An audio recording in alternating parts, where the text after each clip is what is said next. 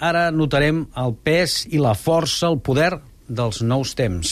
This is a Global Tellink prepaid call from Adnan Sayed. an inmate at a Maryland Correctional Facility. From This American Life and WBEZ Chicago, it's Serial. One story told. Això que escolteu és la presentació de Serial, un podcast produït als Estats Units l'any 2014.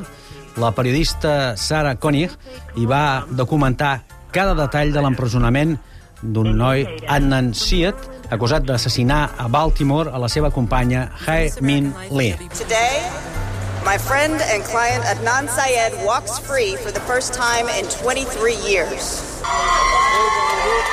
I aquest és l'entusiasme que s'ha produït a les hores, a les últimes hores, quan Syed sortia de la presó després de 23 anys, acompanyat de la seva advocada. El fiscal del districte l'alliberava a partir de les notes manuscrites vinculades al cas que va descobrir precisament el podcast.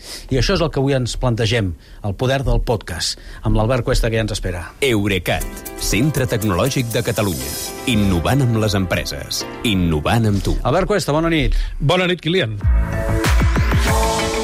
Això que m'ha explicat ara, què ens diu del poder dels podcasts? Que el cas l'hagi aclarit un podcast i no un mitjà tradicional representa, Albert, un punt d'inflexió?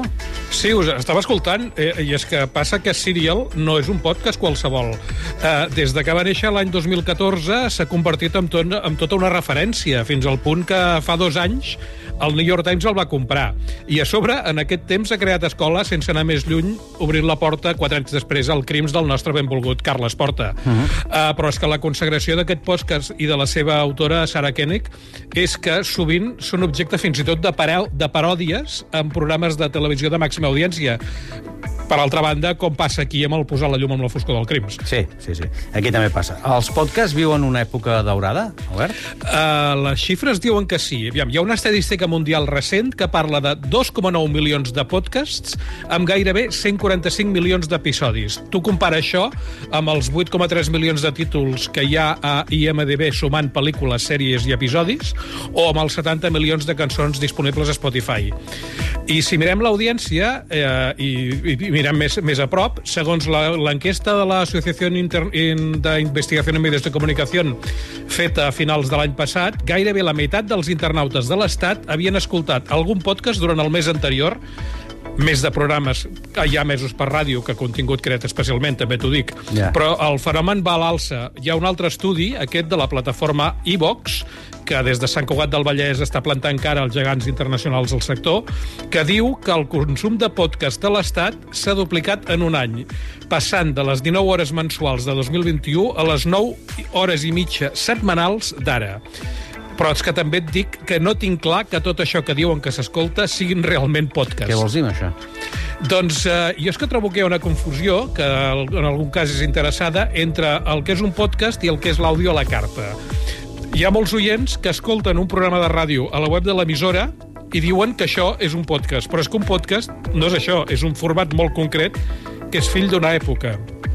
Sigui estret d'una emissió de ràdio o enregistrat per l'ocasió, el que definiria un podcast és la possibilitat de subscriure-t'hi perquè els episodis se't descarreguin automàticament al teu aparell, tan aviat eh, els publiquin, i te'ls trobis allà esperant-te quan et vulguis escoltar alguna cosa, encara que no tinguis connexió. De fet, el nom podcast és de l'any 2004, davant dels smartphones.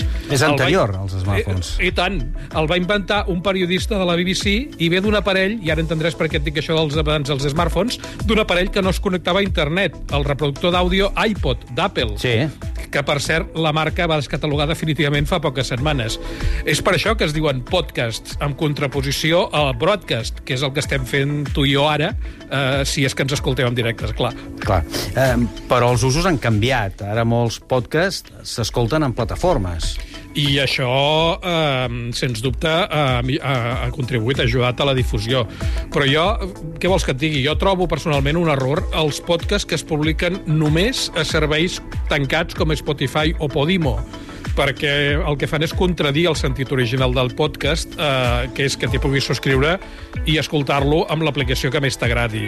Uh, I la veritat és que aplicacions especialitzades, com per exemple, jo que sé, el podcast, el Pocket Cast que, fa servir, que faig servir jo, són molt millors que les plataformes per gestionar el que vols escoltar.